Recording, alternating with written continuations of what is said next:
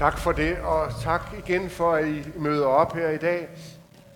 Øh, og tak til dig, Hans og Hanne, for at invitere mig. Tak også til dig, Hans, for at køre mig rundt i din firehjulstrækker. Øh, sådan en skal jeg også have engang. Jeg har en tohjulstrækker derhjemme, og den kan, jeg havde ikke klaret al den sne heroppe. Men jeg vil så også tilføje, at jeg har aldrig set så mange øh, Tesla'er øh, holde parkeret ude i rabatten, altså øh, kørt galt, eller gået ud, eller altså ude af funktion på en eller anden måde. Og, og det, det, det var lidt underligt for mig at komme til Norge. Jeg troede, at Teslaen ligesom var, var, var kongen af, af Norge, og så holder de alle sammen ude i rabatten og gået ud og fungerer ikke, og vi skal tage sneen alvorligt, for vi at vide. Og, og, og, og de der elbusser, de er købt i Kina, eller produceret i Kina i hvert fald, de går også ud. Og på en eller anden måde, så i løbet af et kort øjeblik, så krakelerede hele det der billede øh, af, af, det velfungerende Norge, krakelerede for øjnene af mig. Det var som om, at det her velsmurte øh, øh, skandinaviske udgave af Saudi-Arabien ikke kunne levere på årets første rigtige vinterdag. Det var lidt overraskende, og det tager jeg med mig hjem og skriver måske endda en klumme om i et dokument. Men jeg skal jo tale om noget helt andet, øh, og det er der, hvor jeg øh, igen har fået en bunden opgave. Jeg skal tale om Øh, 20 års Danmarks historie, som egentlig har været ret dramatisk, øh, og som også øh, udstikker en, en pil fremad, så vi kan se, hvor vi er på vej hen, og hvor måske I i Norge, og i hvert fald også i Sverige, er på vej hen.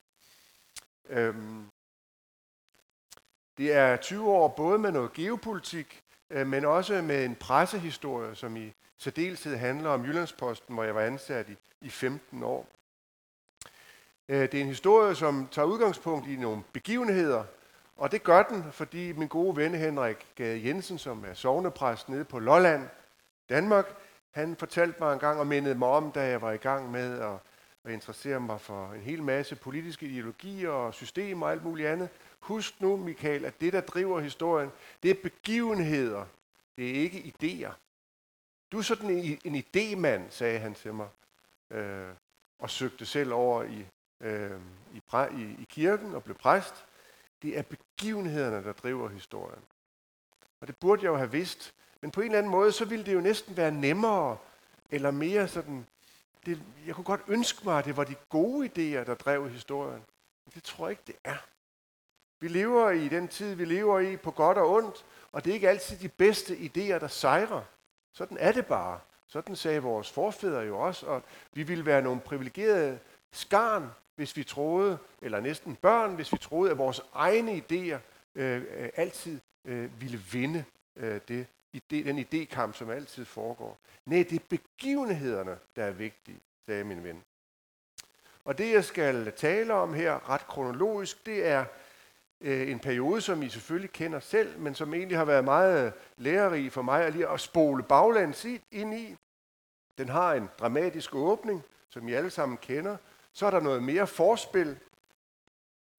Så er der noget mellemspil i fire akter, hvor øh, Norge faktisk indtager en ret afgørende rolle, eller en episode i norsk historie, som I nok allerede har gættet, hvad er, betyder noget.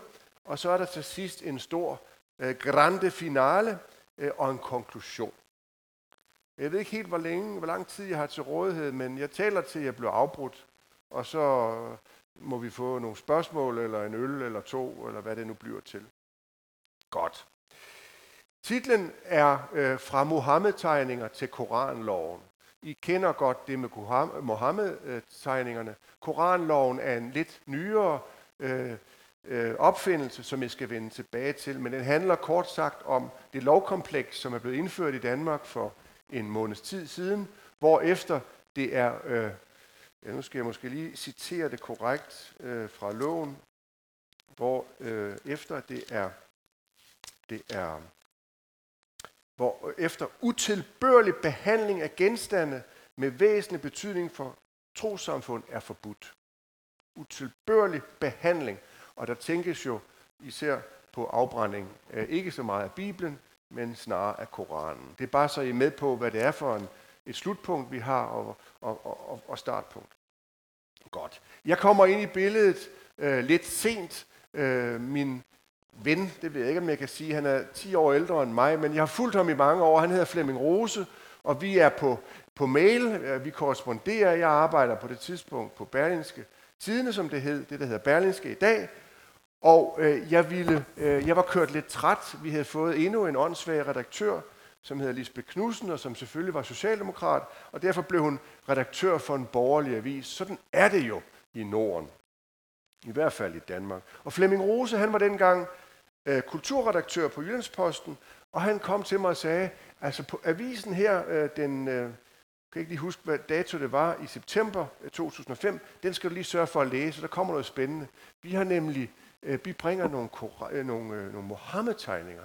Og jeg må indrømme øh, til min egen skuffelse i dag, at jeg faktisk blev lidt træt, da jeg hørte det i 2005. Til, ah, for fanden, øh, øh, øh, Flemming Rose, hvorfor, hvorfor nu det? Kan vi ikke holde op med alt det der med islam? Jeg gider ikke rigtigt. Jeg gider ikke læse Koranen. Og jeg er træt af det. Jeg er træt af perkerne i mit område, nærområde. Jeg er træt af skolerne er ødelagt. Jeg er træt af... Det hele er, er ligesom sovset ind i velfærdsstat og immigration. Kan vi ikke snakke om noget andet? Det var min spontane, sådan umiddelbare, lidt dogne og lidt øh, overfladiske reaktion. Men så sagde Flemming, det der med de der Mohammed-tegninger, det bliver vigtigt. Men jeg troede ikke på ham. Men han havde ret. Der gik jo ikke ret lang tid. Øh, så var de tegninger her, der alle vegne.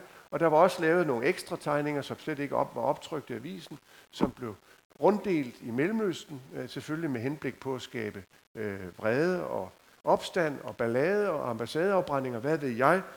Øh, for lige at rekapitulere historien for de, der har glemt den, så var Jyllandsposten blevet opmærksom på, at der blandt danske bladtegnere var en slags selvcensur. Man ønskede ikke at længere at tegne noget som helst, at lave grin med noget som helst, der havde med muslimer at gøre.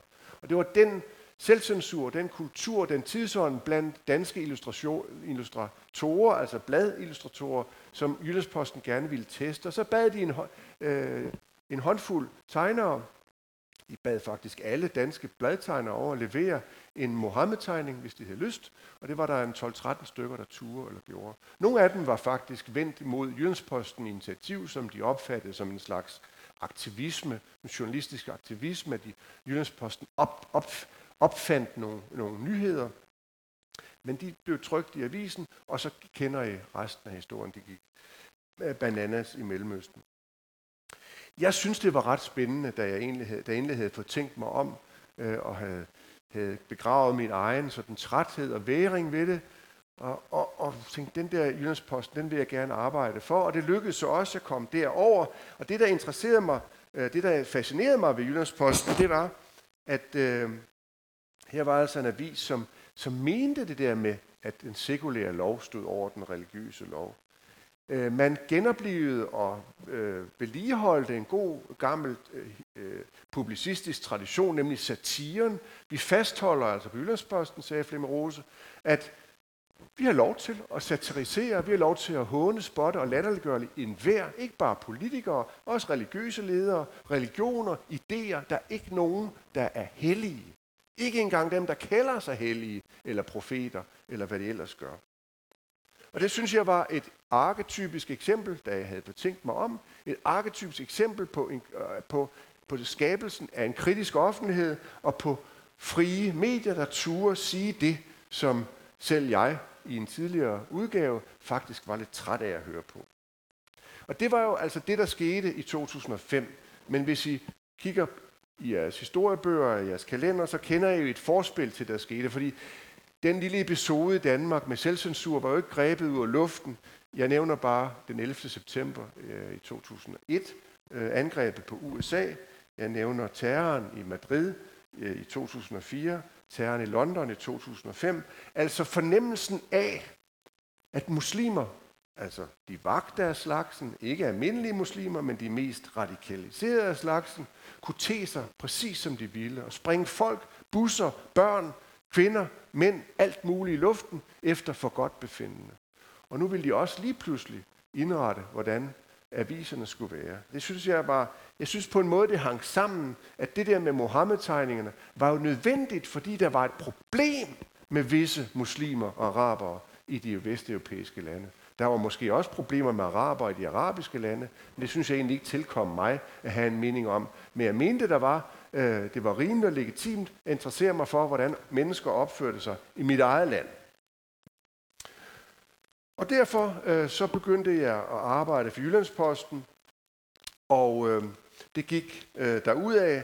Øh, vi fik øh, terrorsikring øh, på øh, altså, hovedsædet i Aarhus blev Øh, øh, armeret, havde jeg sagt, som Fort Knox. Øh, der var koder, der var PET, der var overvågning, der var sikkerhedssystemer, der var alle mulige krumspring, der blev sat nye døre op, så man ikke kunne komme lige ind fra gaden.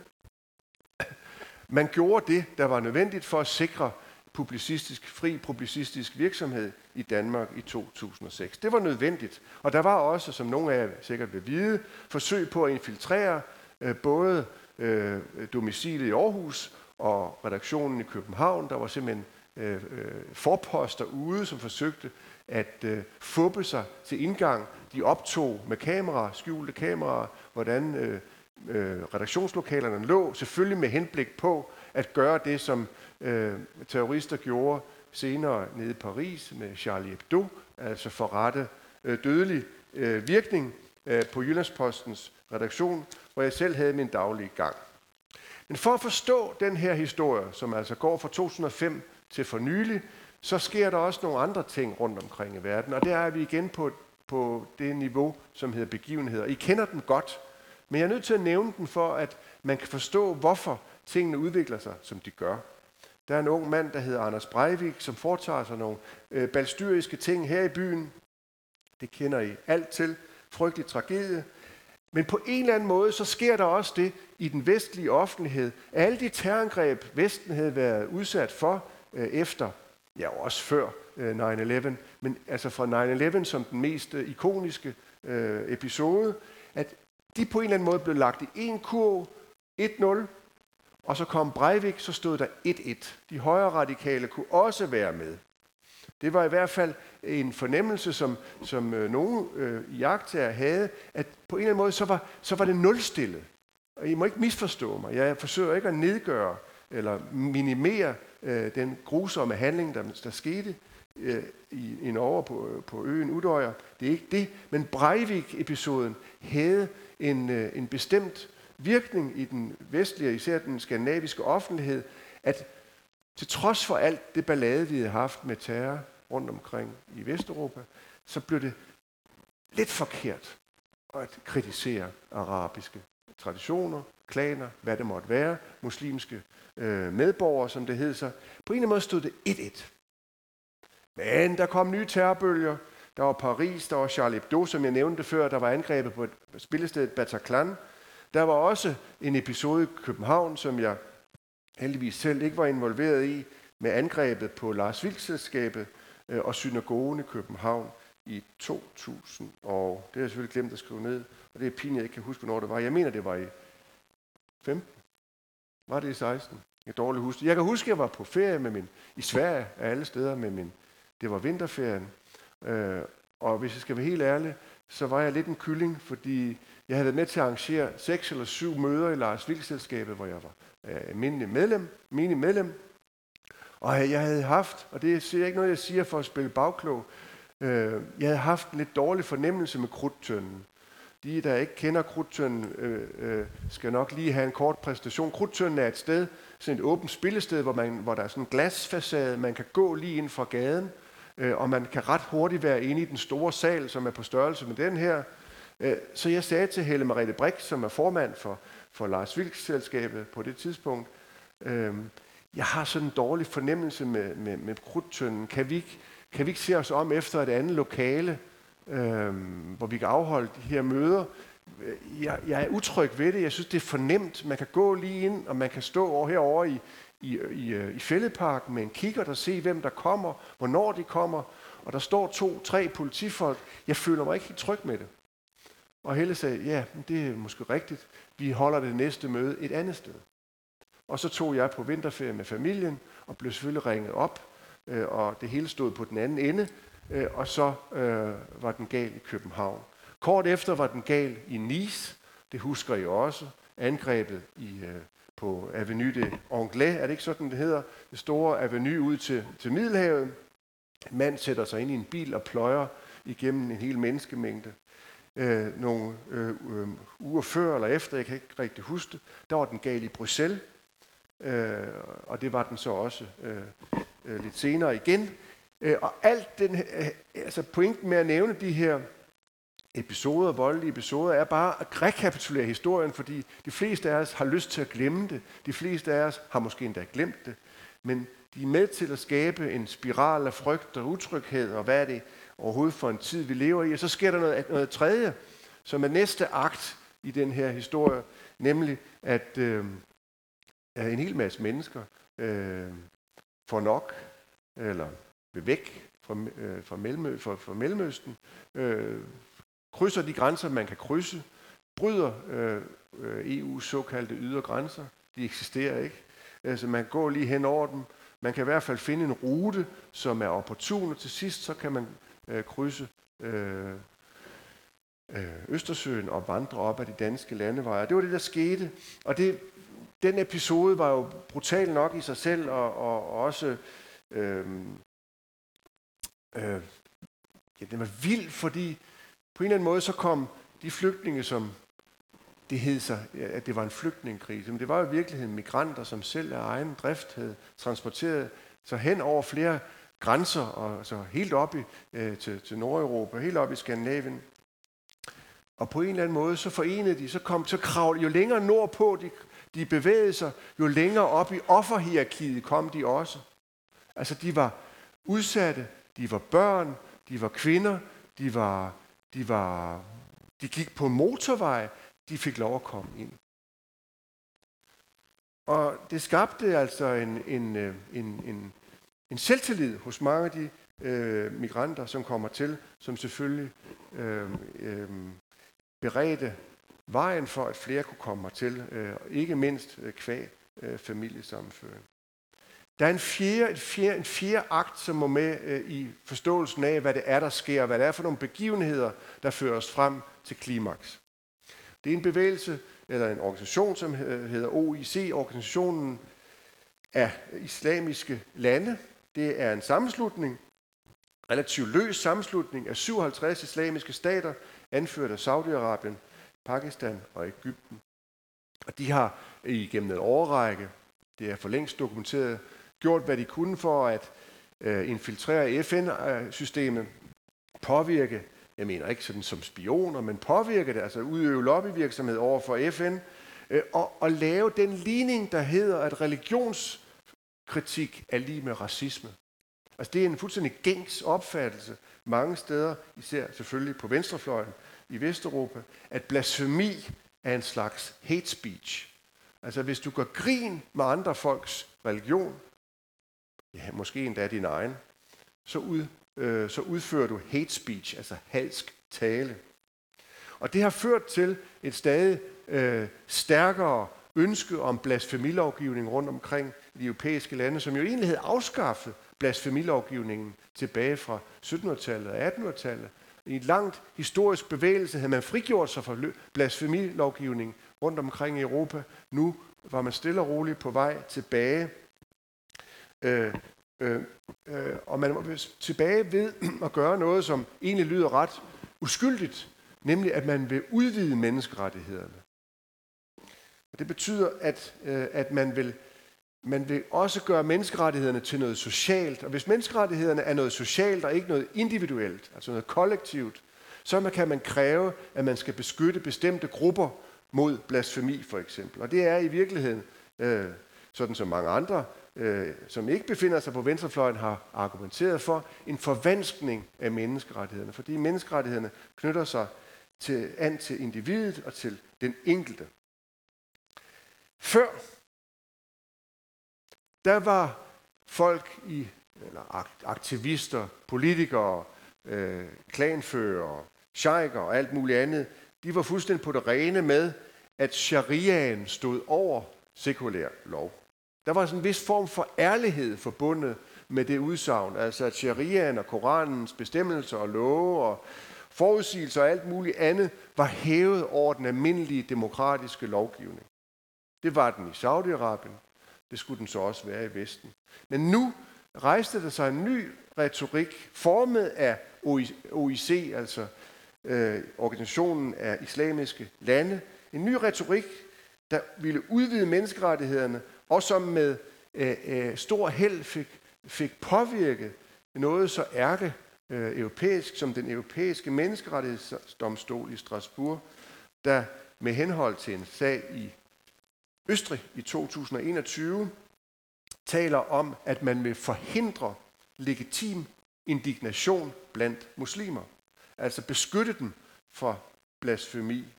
Og de blev selvfølgelig bakket op af vestlige multikulturalister, og de kronede, blev sådan set kronet af OIC's egen udtalelse fra Cairo i 2021.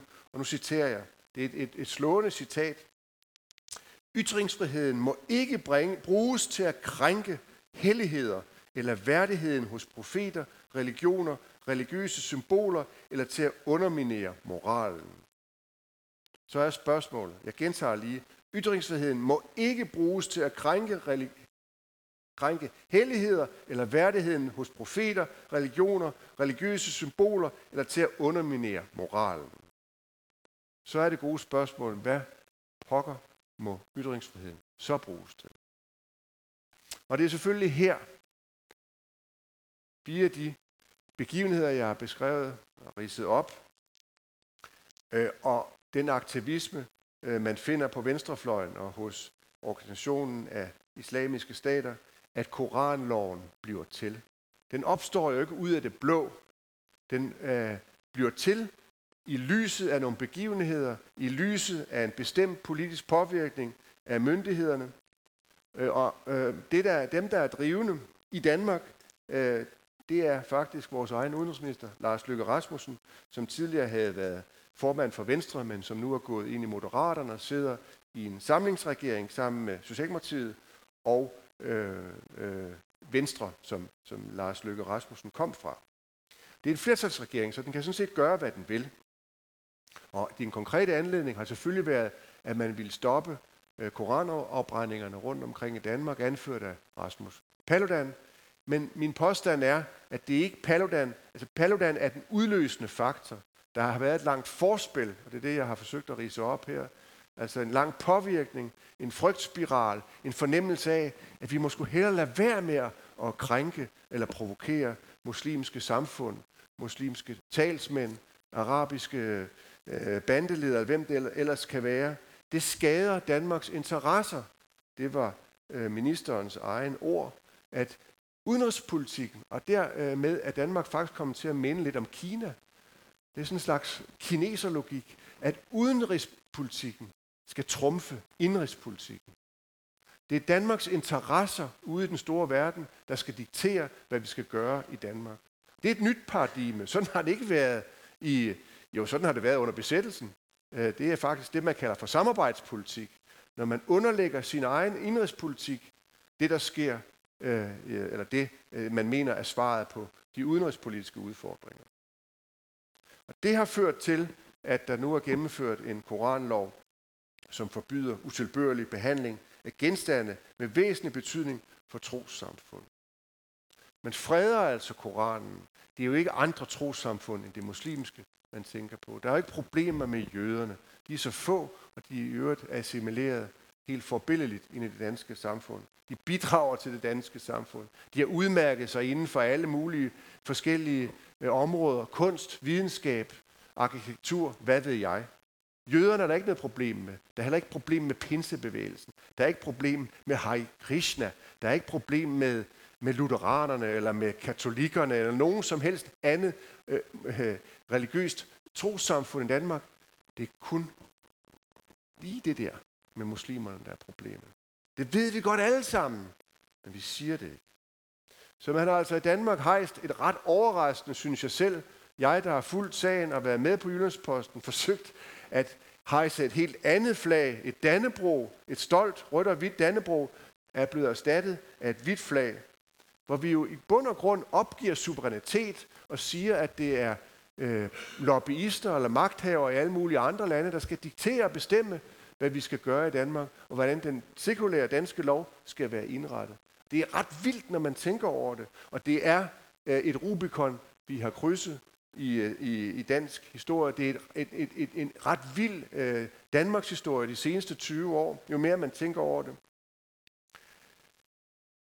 I 2006 så stod vores statsminister Anders Fogh Rasmussen fat, fast på, at Jyllandsposten havde en fuldstændig øh, definitorisk ret til at bringe satiriske tegninger af hvem som helst.